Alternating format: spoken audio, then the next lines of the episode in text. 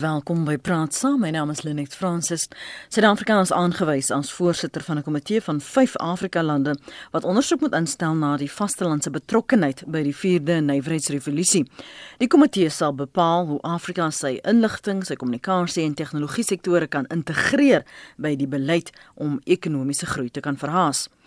So in praat saam vanoggend kyk ons na die moontlike vooruitsigte vir die privaat sektor. Ons gaste vanoggend is Pieter Geldenhuys, hy is die besturende direkteur by die Instituut vir Tegnologie, Strategie en Innovasie. Goeiemôre Pieter. Goeiemôre Net. En ons gesels ook met Richard Downing, hy is ekonom verbonde aan die Suid-Afrikaanse Sakekamer. Môre Richard. Goeiemôre Net. Miskien met jou wegval Pieter is die gesprekke en die bespiegeling oor hierdie 4de industriële revolusie Is dit dieselfde trant soos wat ons destyds toe die millennium aangebreek het en ons moes ons rekenaars herprogrammeer want ons weet nie of ons mos môre ons geld uit die bank kan trek nie.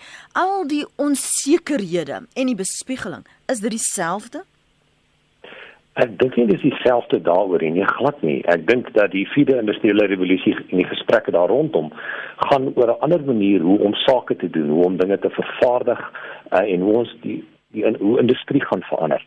As ek net by een punt net vinnig kan stil staan, dink ek dat die model van die vierde industriële revolusie nie die beste model is om te gebruik om ons gesprekke oor die toekoms te te belei nie. Hmm. Ehm um, as ons in die geskiedenis terugkyk na ander uh, ekonomiese filosowe onder andere Schumpeter en Kondratief, dan sien ons dat hulle baie baie ryker modelle na vore gebring het wat 'n baie ryker toekoms amper uh, ont, ontsluit en die dinamika rakende dit wat ons deurgaan baie beter beskryf. Uh, as ons na die tegnologie golwe gaan kyk wat Schumpeter al 60, 70 jaar terug geïdentifiseer het, sien ons dat die dat die golwe eintlik uit 3 of 4 fasette bestaan. Soos 'n nuwe tegnologie inkom, dan skep dit wêreldwyd ekonomiese groei. Mm. Maar die vierde industriële revolusie is eintlik meer gefokus op die optimalisering van ons vervaardigingsstrukture en die veranderinge rakende denkpatrone. En dit dit dit sit nie 'n geweldige groot klem op mm. slim materiale en DNA nie. Mm. En dit is volgens my een van die elemente wat die grootste groei gaan hê. Ja, ons gaan uh jy weet kunsmatige intelligensie en robotika en al hierdie elemente gaan wel 'n rol in ons in ons toekoms speel, maar dit is 'n tendens wat al vir amper vir dekades al kom. En ons sien eintlik meer die uh, uitsluiting van hierdie tegnologie in die volgende paar jaar hoe dit uh, amper 'n uh, uh, veranderende veranderende impak op die ekonomie gaan hê, nie noodwendig 'n groei gaan aandryf in terme van die wêreldekonomie. So uh, ek wil net my standpunt daarop mm. duidelik maak dat ek nie dink die vierde industriële revolusie as model is die beste model om te gebruik nie.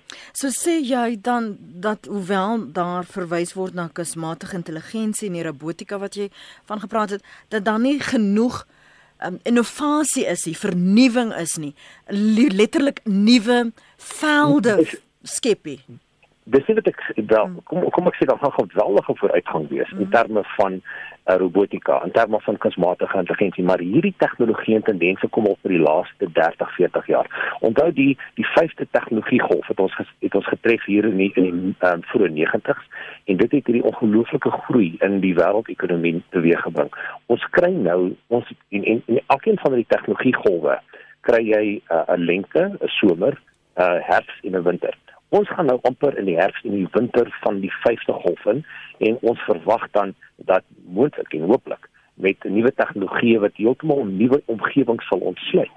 Uh naamlik slim materiale, DNA analise uh wat wat nuwe geleenthede sou oopmaak en ontsluit. Daarin dink ons lê die groot groei en dat uh robotika en kunsmatige intelligensie gedal wel 'n geweldige impak op ons gaan hê. Ons moenie dit dit onderskat nie. Maar ons sien dit as deel van die vorige golf, die 5de golf wat alreeds ons getref het in die 99's. Richard, deel jy um, Pieter se mening oor dat dit nie die beste model sou wees nie? Wel, ek dink dit is 'n uh, mens met hierdie uh, ek wil nie 'n nywerige revolusie wil noem nie. Ek wil eintlik 'n nywerige evolusie wil noem. Met ander woorde, 'n veranderende proses. En uh, hierdie proses het eintlik uh, kan as ek nou my geheue uh, selfs al die werks in die uh, op die werkstelling wil uh, saamval, dan kan ek sê dit is eintlik al in die 80's begin waar mense begin wonder is maar kyk ekonome praat altyd van drie produksiefaktore naamlik grond, kapitaal en arbeid, maar daar kom 'n nuwe een eintlik by en dit is eintlik hierdie uh, tegnologiese ontwikkeling. Mm. 'n Tegnologie wat eintlik 'n vierde produksiefaktor is wat die die samevoeging van daai ander drie produksiefaktore eintlik baie meer effektief en doeltreffend maak. En eintlik in die in die verlede, soos Pieter ook gesê het, in die geskiedenis het jy altyd soort van uh, uh, evolusie gehad van van van nuwe maniere van dinge doen. En ek dink hierdie die die die tegnologie in hierdie geval is 'n verskillende goeie hulpmiddel. Want as 'n mens neem in die ou dae, jy met 'n ou masjienkie gesit met 'n papierrol in wat opstel, aftrek, maal en deel, soos hulle gesê het, maar nou is dit dan toe kom jy met 'n hand hand handmasjiene wat redelik program wat jy redelik kan programmeer en toe natuurlik hoofraam uh, rekenaars en nou uh, is ons nou al op dat jy as persoonlike op 'n klein besigheidsvlak eintlik jou eie rekenaar het wat net so kragtig as party van die ou groot grootes van die ou dae van die 80s en dat jy eintlik 'n proses het waar jy tot 'n mate baie meer effektief eintlik opereer as wat jy in die verlede kon doen. En ek dink dit is waar daai evolusionêre proses inkom en da, waar, waar die aanpassing nodig is vir vir besigheid om in te val by hierdie nuwe prosesse. Hmm. Jy sal onthou Pieter, daar was destyds met die oorgang uh, na die millennium gevra is jy Y2K compliant. Nou as jy kyk na Suid-Afrikaanse maatskappye in die private sektor, is daar vir jou genoegsame voorbereiding, gereedheid vir wat hierdie nywerheids vierde nywerheidsrevolusie sou impliseer? Net ek is geweldig opgewonde oor wat in Suid-Afrika gebeur. Hmm. As ons kyk na die die bereidheid om nuwe tegnologieë uit te probeer en waar dit in Suid-Afrika alreeds uh, om, omarm word, dan sien ons geweldige voordele. Kom ek noem 'n paar eenvoudige aspekte wat wat kan verander. Ehm um, die uh, die tegnologie wat ons die laaste paar dekades al ontwikkel het, het nou uitgedraai in 'n omgewing waar ons die internet van dinge rondom ons het. Dis alreeds hier. Dit beteken alles rondom ons kry internetadres. Kom ek en en watter voordele en watter impakte gaan dit byvoorbeeld hê? Kom ek noem 'n paar voorbeelde. Jy kan byvoorbeeld nou 'n baie klein skandeerdertjie in jou hand hê 'n word 'n SIO scanner skandeerder genoem en jy kan dit gebruik om die inhoud van uh, vloeistof te bepaal. Jy kan dit gebruik om te kyk wat is die die die die suikerinhoud van 'n vrug. En deur dit in 'n hele waardeketting te gebruik, byvoorbeeld in 'n boerdery, kan jy dan baie effektief kyk wanneer is die regte tyd om uh, 'n perske te pluk of te oes uh, dat hy die optimale drag het. Jy kan dit byvoorbeeld uh, jy uh, gebruikers kan byvoorbeeld dit gebruik om te sien watter gifstowwe gebruik word. Uh, so jy in inligting wat amper uh, verborge was wat nou sigbaar is en deel word van die internet. Ons kyk na ander elemente waar ons byvoorbeeld na myne kyk en ons myne baie meer effektief kan maak. Jy kan byvoorbeeld die internet van dinge uh integreer met masjinerie en jy kan baie baie meer effektief bepaal wanneer hierdie spesifieke element byvoorbeeld uh, sal breek.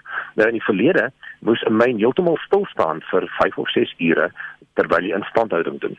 Wat nou gebeur is in plaas van om elke 5 maande alle alle masjiene te vervang in 'n sekere omgewing, vervang jy nou net die masjiene wat aandui of aangedui word wat wat wat, wat moontlik 'n gebreek kan of wat kan breek in die volgende paar weke. Dit beteken dat jy baie meer effektief is omdat die myn nou nie meer vir 5 of 6 ure stil staan nie, maar vir 2 ure stil staan, is die uitsette baie hoër. So ons sien dat daar geweldige vooruitgang is in die denkpatrone.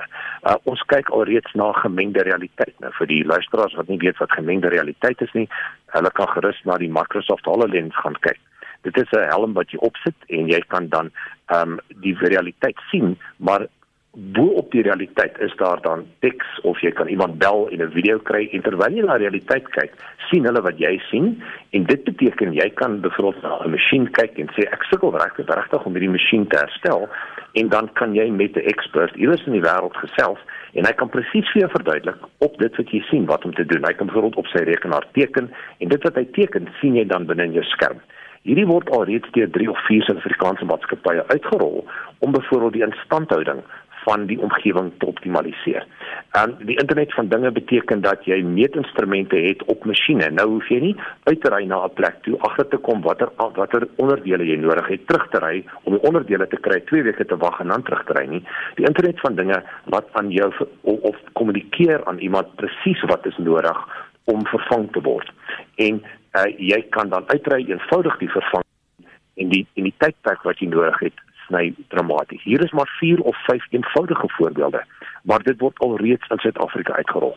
Ons maak ons omgewing baie meer effektief en dit beteken dat ons uitsette hoër is en dat ons ekonomie dan daardeur kan groei. So ek is baie opgewonde oor die oor die laaste paar jare van die vyfde tegnologiegolf of soos ander mense dit dan die vierde industriële revolusie noem. So jy verwys na landbou, jy praat van die vervaardigingssektor, ehm um, myne het jy ook aangeraak. Wat van telekommunikasie? Is dit op dieselfde vlak? O, oh, ons gaan ongelooflike groot uh, interessante dinge volgende jaar in telekommunikasie sien. Ons is ongelukkig 'n bietjie agter in terme van die res van die wêreld want ons het ons spektrum wat ons gebruik vir telekommunikasie nie uitgerol soos die res van die wêreld dit wel gedoen het nie. En ons verwag, president Ramaphosa het al aangedui dat hierdie frekwensie dan teen volgende jaar April Mei beskikbaar gestel gaan word aan selfoonoperateurs. Dit gaan beteken omdat ons nou nuwe frekwensies het en omdat ons nuwe tegnologie het. Ons, ons praat van LTE en LTE Advanced, dis die vierde generasie en die ehm um, opvolg daarvan, gaan ons ongelooflike hoë spoed oor baie groot afstande kan uitrol. En dit beteken dat die hele industriële revolusie, die idee van die internet van dinge al hoe makliker gemaak gaan word. Boere gaan byvoorbeeld nou baie makliker die internet kan gebruik om om hulle boerdery te bestuur. So gaan ons ook baie makliker 'n uh, voertuig kan naspoor, uh, meer effektief met hoër bandwydte.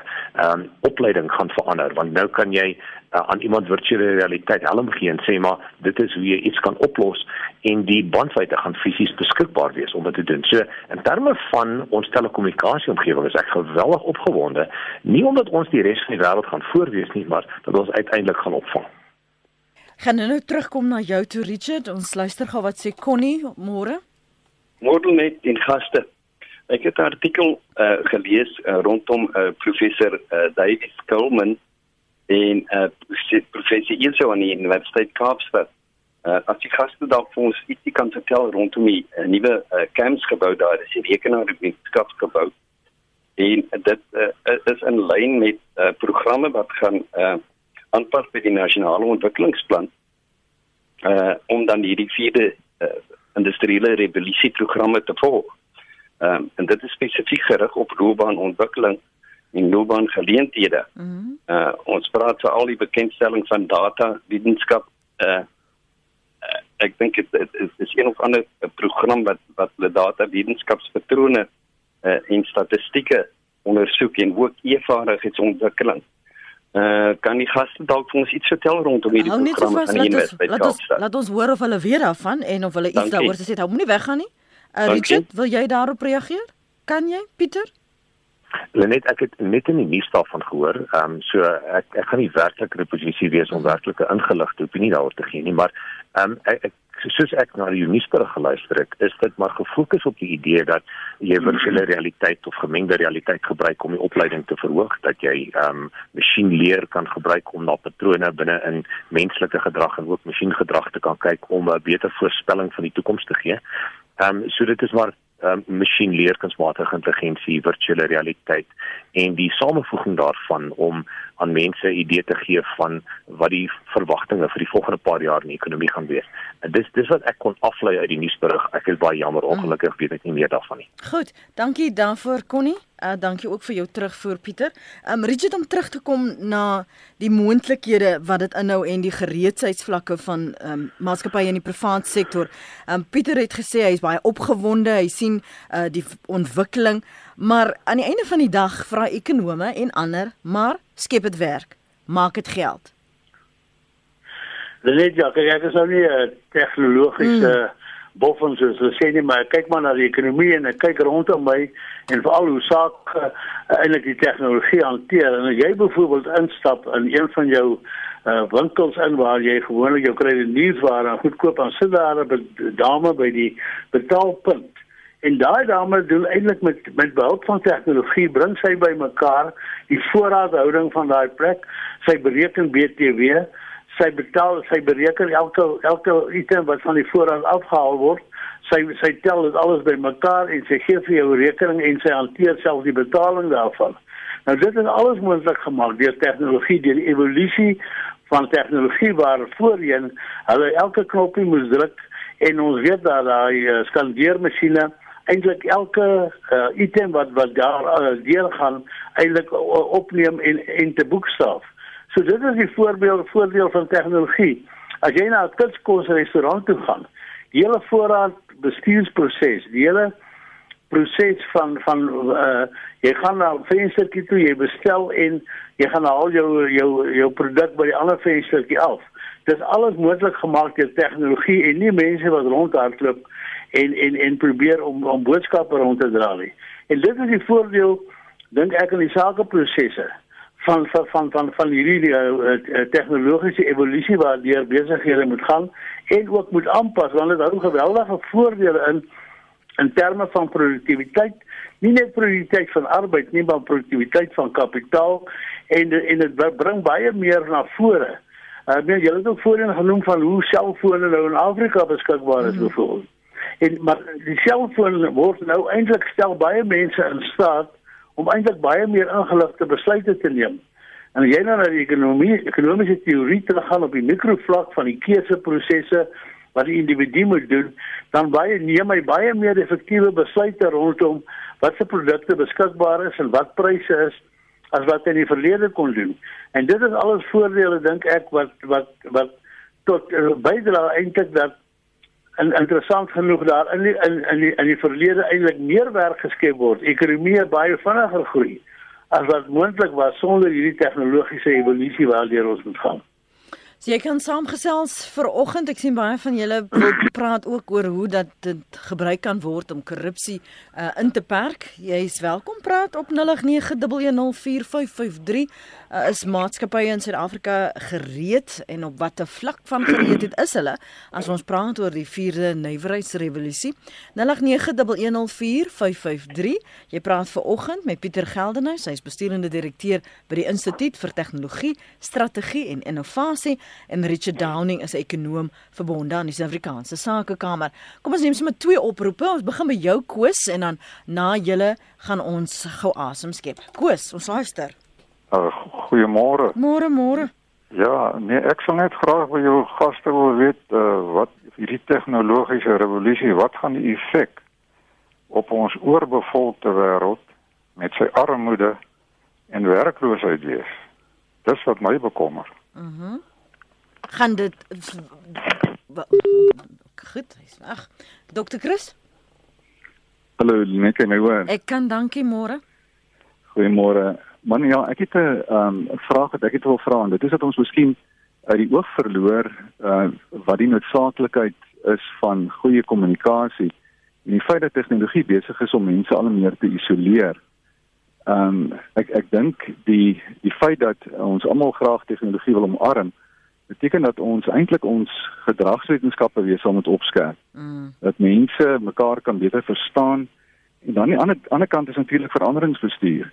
Um ons sal moet leer ook hoe om ek wil amper sê in chaos te funksioneer. Mm. Want uh, verandering gebeur so vinnig en ons um on, ons streef na stabiliteit en daarom sal ons moet moet werk daaraan om te weet dat ons dat niks niks voorspelbaar is nie en ons sal in hierdie chaos saam moet funksioneer. Dankie, dankie daarvoor. Kan ek daarbey aansluit eh, wat Dr. Chris sê oor hierdie chaos waarin 'n mens moet funksioneer en ek wil teruggaan en vergewe my dat ek elke keer daarna terugverwys, maar ek ek herinner my aan die soort vrae wat ons met die oorgang van die millennium gevra het. Um, verwysend na jy is dan nou Y2K compliant, maar jy het nou hierdie vernuwing en jy het nou die wonderlike skandeerder uh, Pieter, maar die ander maatskappye en die mense met wie jy sake moet doen, hulle is nie op jou vlakkie. Jy's letterlik next level. So, hoe is daardie tipe van groei moontlik as die een ou dit het en die ander ou is nog nie eens op daardie vlak nie. Watter vooruitgang is daar as die die verskillende uh, maatskappye letterlik nie kan sake doen nie? Ehm um, hulle net net op daai punt. Ek dink daar's geweldig ek ek sou myself nie as next level beskryf nie. Ehm um, meer deels van net in, in lyn met die verwagtinge van die Suid-Afrikaanse omgewing. Daar's geweldig baie maatskappye wat hierdie tegnologie wel uitrol. Ons jy weet in terme van die die kringe waarna ek beweeg, is daar baie maatskappye wat hierdie tegnologie omarm. So dit waar ek gesels het, is nie noodwendig iets iets uniek nie.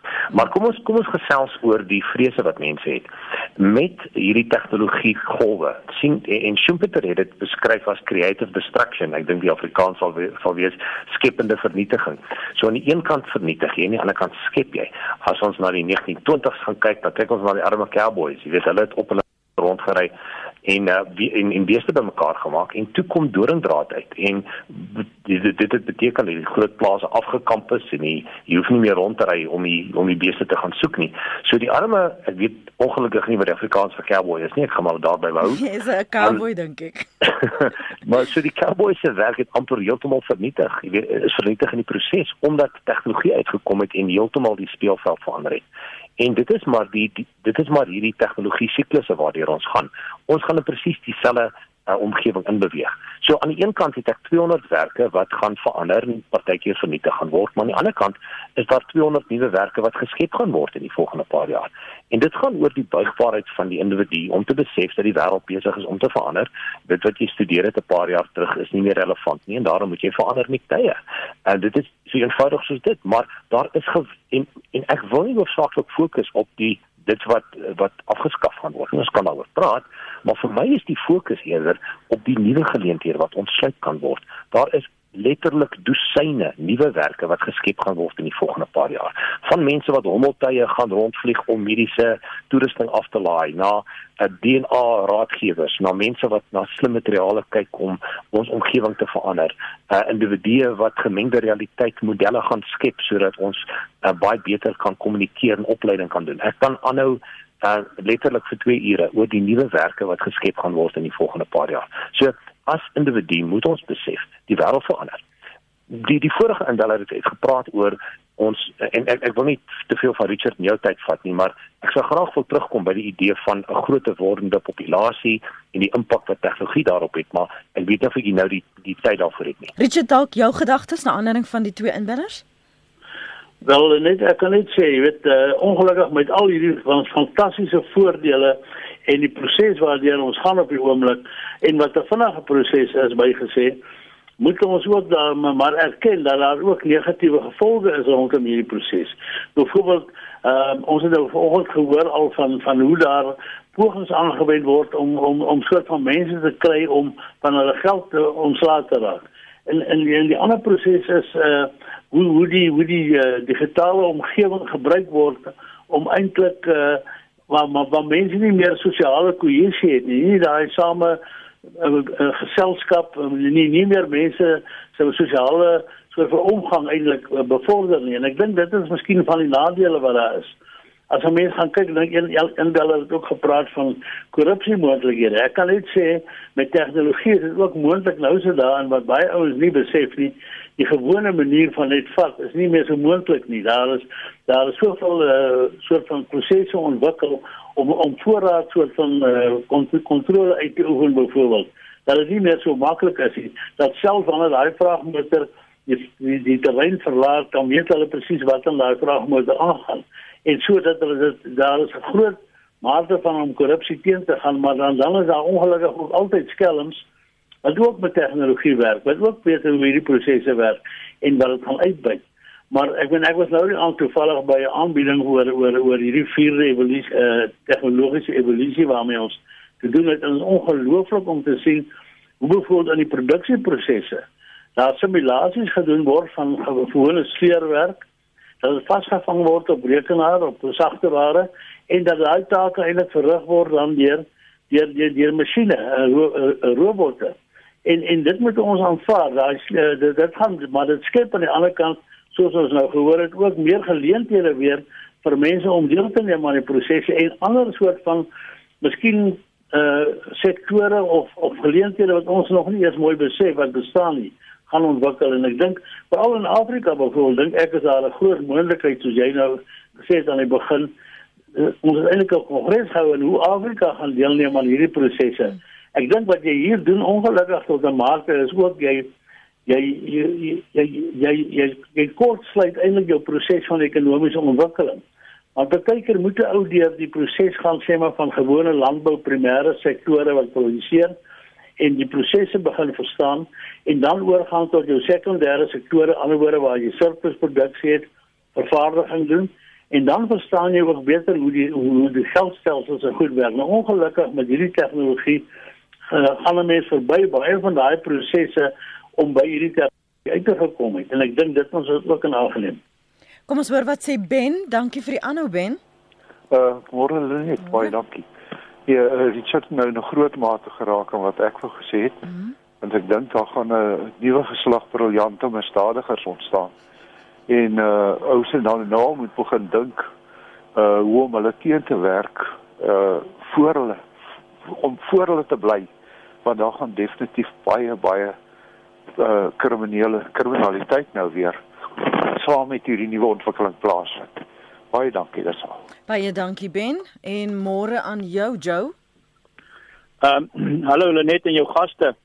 Ek wil net 'n positiewe bydrae maak ten opsigte van die geleenthede wat met al hierdie nuwe ontwikkelings kan gebeur. Jy weet in Amerika kyk mense en jy sien dat die gemiddelde Amerikaner maak tot soveel as 8 keer loopbaanveranderinge in in sy in sy tydperk wat hy werk. Juis om aan te pas by by nuwe ontwikkelings wat in hulle omgewings gebeur en hulle bly maar die wêreld wat die meeste van hierdie nuwe ontwikkelings dryf. Dan het ons so 'n kursus bygewoon in in in, Japan in Kyoto uh, waar ons na hulle uh, weet hierdie quality circles uh 'n proses gaan kyk het wat gaan oor verbetering. Wanneer was dit nou? nou en En wat daar gebeur is is dat jy het hierdie verskriklike klomp outomatiese prosesse wat hulle al reeds geïmplementeer het in die vervaardiging van motorkarre. En toe kom jy agter dat na hulle al hierdie prosesse ontwikkel het, toe kom hulle agter nee maar daar is 'n leemte en die in die leemte was dat die eh uh, die continu, uh, continuous improvement die uh, deurlopende verbetering het het eintlik skielik gelei. En toe moes hulle eintlik die proses breek en weer mense in die proses insit sodat hierdie mense uh deurlopende verbetering kan laat plaasvind. So ek is eintlik 'n baie positiewe voorstander dat mense met hierdie goed in die in die lig sien dat daar gaan geweldige geleenthede vir mense on, ontstaan en dan net 'n laaste pleidooi. Wanneer mense hierdie nuwe verbetering sien en gebeur, moet 'n mens binne in jou omgewing waar jy jou beplanning doen, moet jy verseker dat jy vroegtydig genoeg uh ontledings doen sodat jy hierdie geleenthede wat mense kan volg kan regkry sodat jou uh plekke waar die mense gaan oplei en vir hulle geleerdheid gaan gee vroegtydig daarmee uh, reg is en uh en dat jy dan die mense kan stimuleer om vir hulle te sê dat wanneer hierdie nuwe goederes kom moet jy jouself in in uh, in in plek plaas om hierdie goederes te kan ondersteun. En en dit gaan 'n gewellige uh uh bydra maak om hierdie bedreiging wat mense sien te te te besweer. Uh dis die bydra wat ek wil maak, Lenet. Baie dankie Joe, dankie vir daardie gedagtes. Hier skryf SP, maar Richard gaan al hierdie uitrollery ons uit die rommel kan kry. Sekerlik ons rommelstatus waarna hy verwys. Wel, wel net ek nie wil jy moet praat oor. Asseblief, ja, miskien net daaraan ja. raak wat wat die moontlikhede is en en wat wat ons wel sien waar dit ja. geïmplementeer word. Wel, ek dink jy weet die rommelstatus het baie te doen met hoe ons ons finansiële en ekonomiese beleid formuleer en en, en ek dink uh, en en ek dink of al tegnologie kan ons moontlik help om om hierdie proses te vermy, maar hy gaan jou ook help om baie blootgestel te word want ek meen jy word baie sigbaar vir waarmee jy te doen het. Ek meen hierdie die data ondersoeke wat nou gedoen kan word deur hierdie kredietgraderingsagentskappe is baie baie as sê maar 40 jaar gelede. Die moontlikhede daarom te gaan krap waar nou waar wat jy gedink het dit nie is jet nie is nou baie meer groter moontlikheid as die verlede vir al my data beskikbaarheid en so aan. Maar ek dink ons groot probleem lê ook in terme van weet hoe hoe hoe pas ons by die res van die wêreld wanneer ons kom by hierdie mededingendheid rondom uh, hierdie tipe van tegnologie. Mm -hmm. En die wêreldekonomiese forum het juis daaroor redelik uitgewy en en en byvoorbeeld ons ons ons vermoëns om hierdie digital skills soos ons in Engels daarvan praat.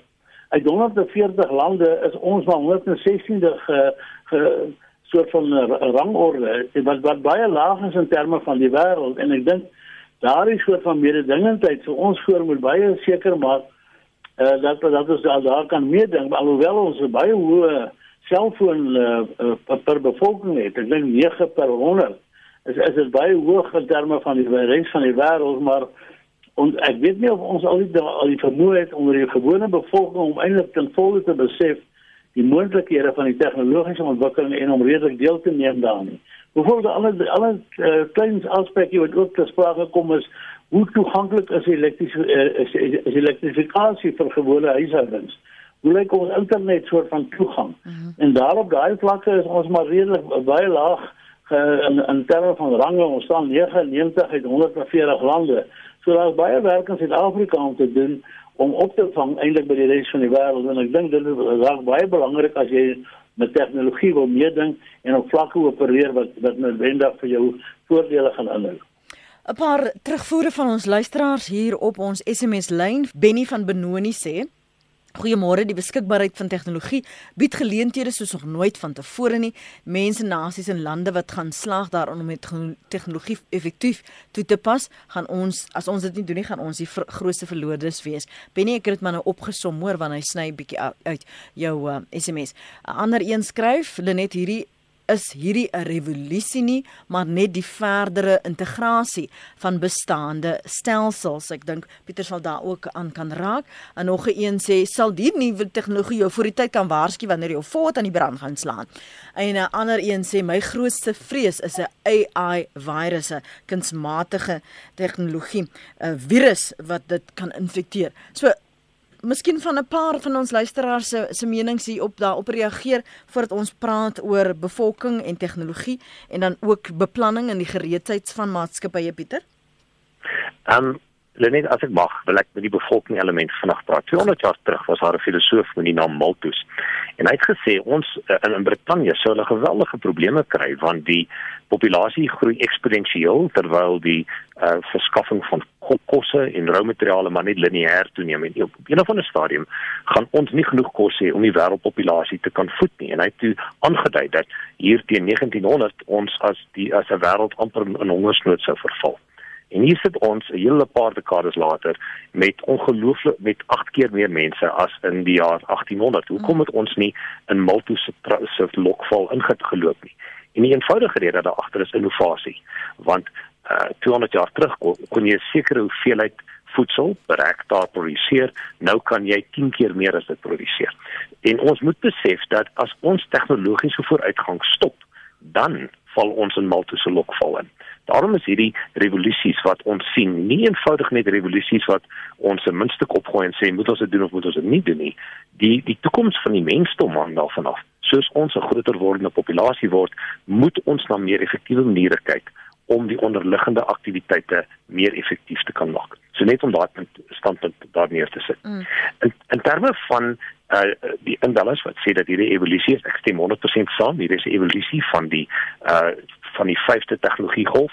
Die die sesde tegnologiegolf wat Schumpeter en Konradief definieer het. Hulle het nie gesê wat dit gaan wees nie, maar dit is as ons geskiedkundig daarna kyk, dan staan daar 'n baie groot kans dat ons via nuwe tegnologie 'n omwenteling kan kry in hoe ons na uh ons aksies op 'n daaglikse basis kyk.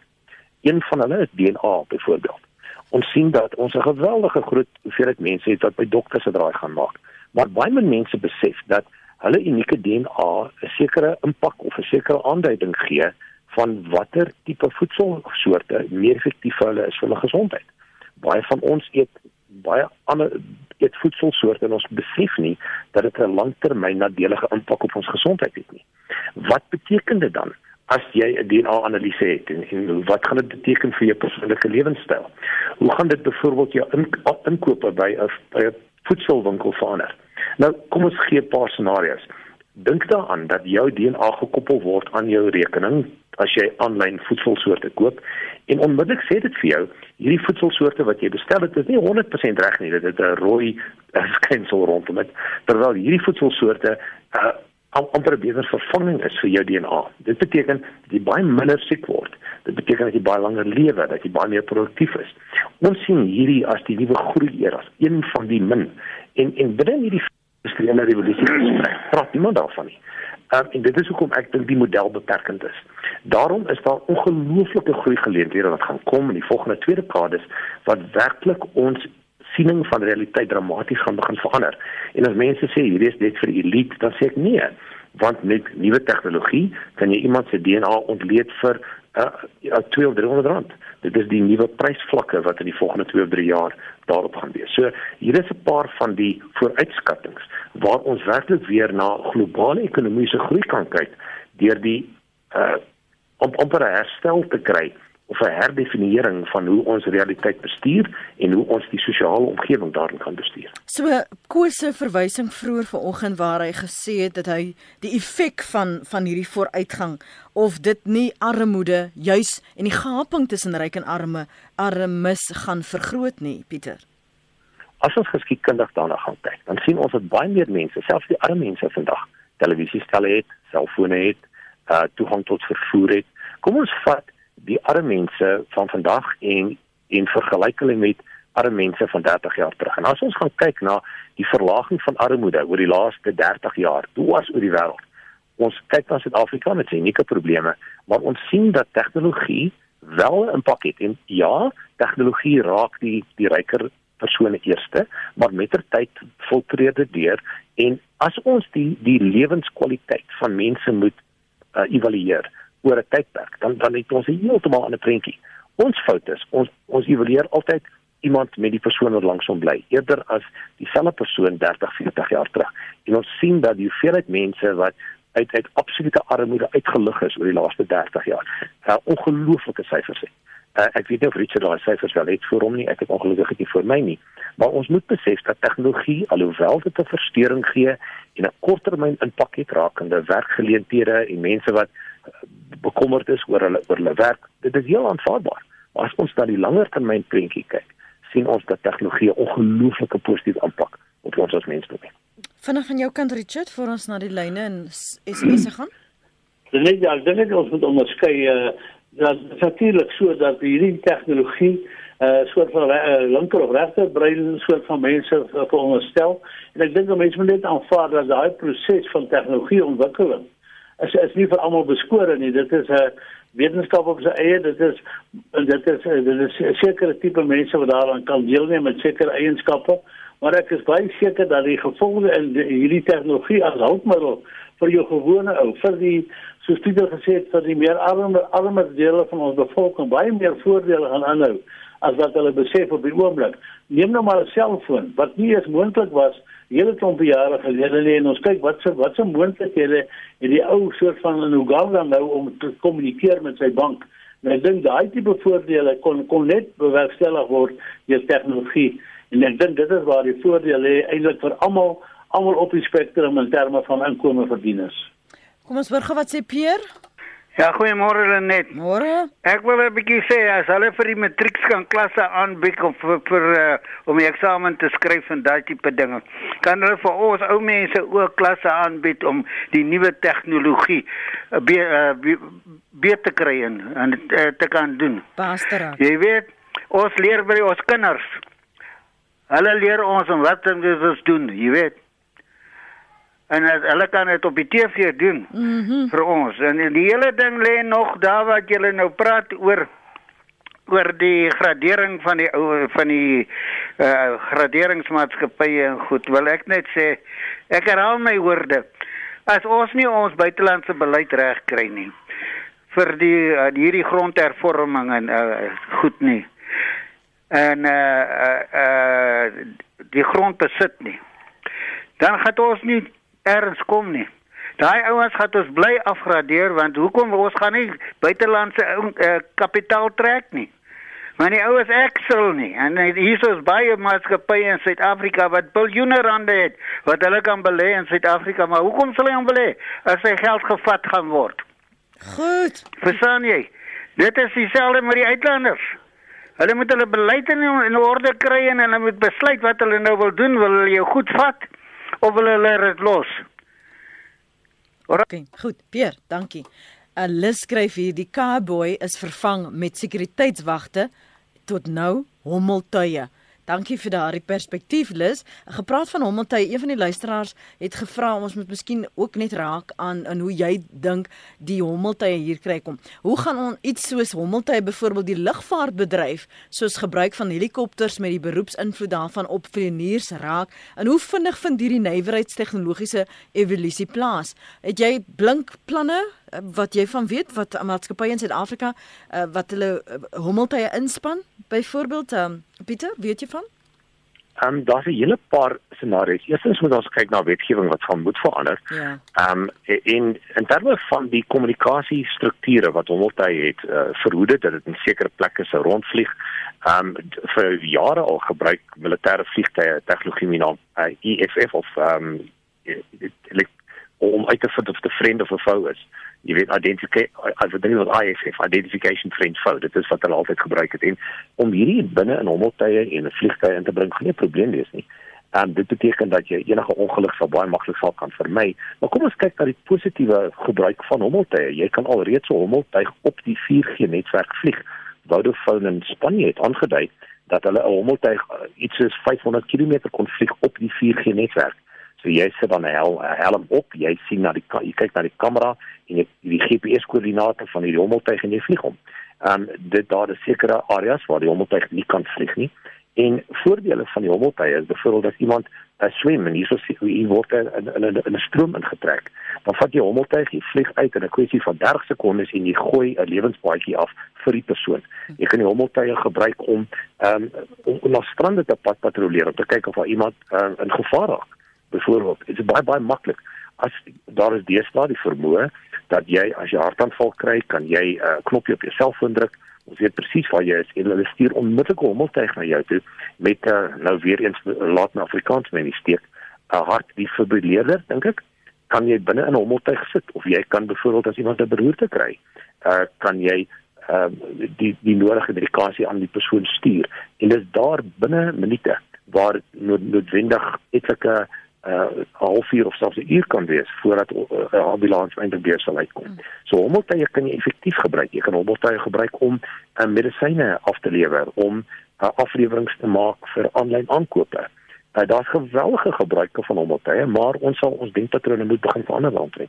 So as ek nou uh, luister vanoggend na praat saam en, en ek hoor hierdie gesprekke en en vooruitskattinge en moontlikhede wat hierdie vierde nywerheidsrevolusie kan meebring.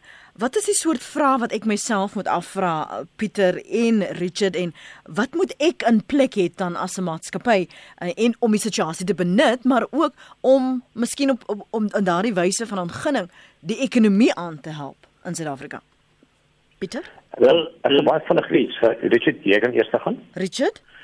Ja, nee, ek dink uh, ons ons ons moet altyd tegnologie sien as 'n hulpmiddel vir die prosesse waarmee ons besig is. En selfs die Die straatsmous met sy selfoon gebruik tegnologie en hy kan goed bestel oor hy selfoon. So van daar af tot by hierdie vervaardigers van die luukste motor wat wat wat in die wêreld al ontwerp is wat nou wat ek sien dat jy amper op hom kan sit en Johannes wat ry sonder om aan 'n stuurwiel te vat.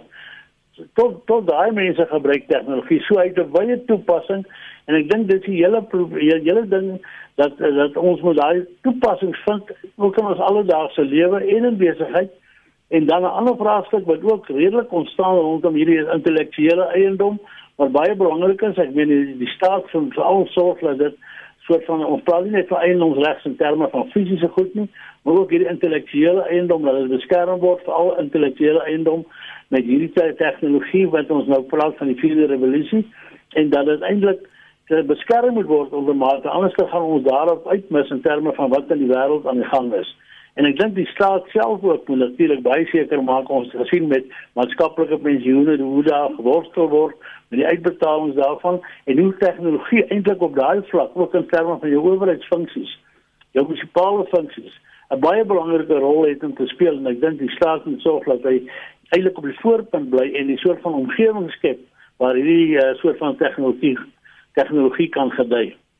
Pieter hm. Ehm um, ons is tans besig met 'n paar van die operateurs waar ons kursusse oor die internet van dinge aanbied en een van die vraagstukke was hoe kry hulle die kundigheid om hierdie platforms te bou en te te skep. Toe gaan kyk ek op die internet. En daar is letterlik vir elkeen van hierdie nuwe platforms van tot 9 weke gratis klasse op die internet.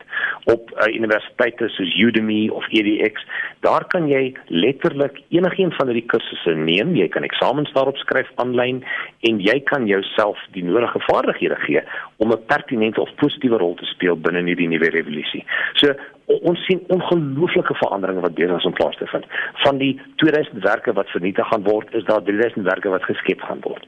Ons moet besef dat die omgewing verander en die enigste argument is wat is ons vermoë as individue om buigbaar genoeg te wees en die bereidwilligheid te hê om meer te leer in plaas van om voor die TV te sit en net 'n TV-program te kyk hoekom sit ons nie voor 'n rekenaar en gee onsself 'n nuwe stelkundighede nie en dit is die groot verskil die persone wat effektief voordeel gaan trek uit die vierde industriële revolusie gaan die persone wees wat buigbaar is en die geneigtheid het om nuwe kundigheid te omarm en dit hulle eie te maak dit is vir my eenvoudig die besluit wat die individu moet maak.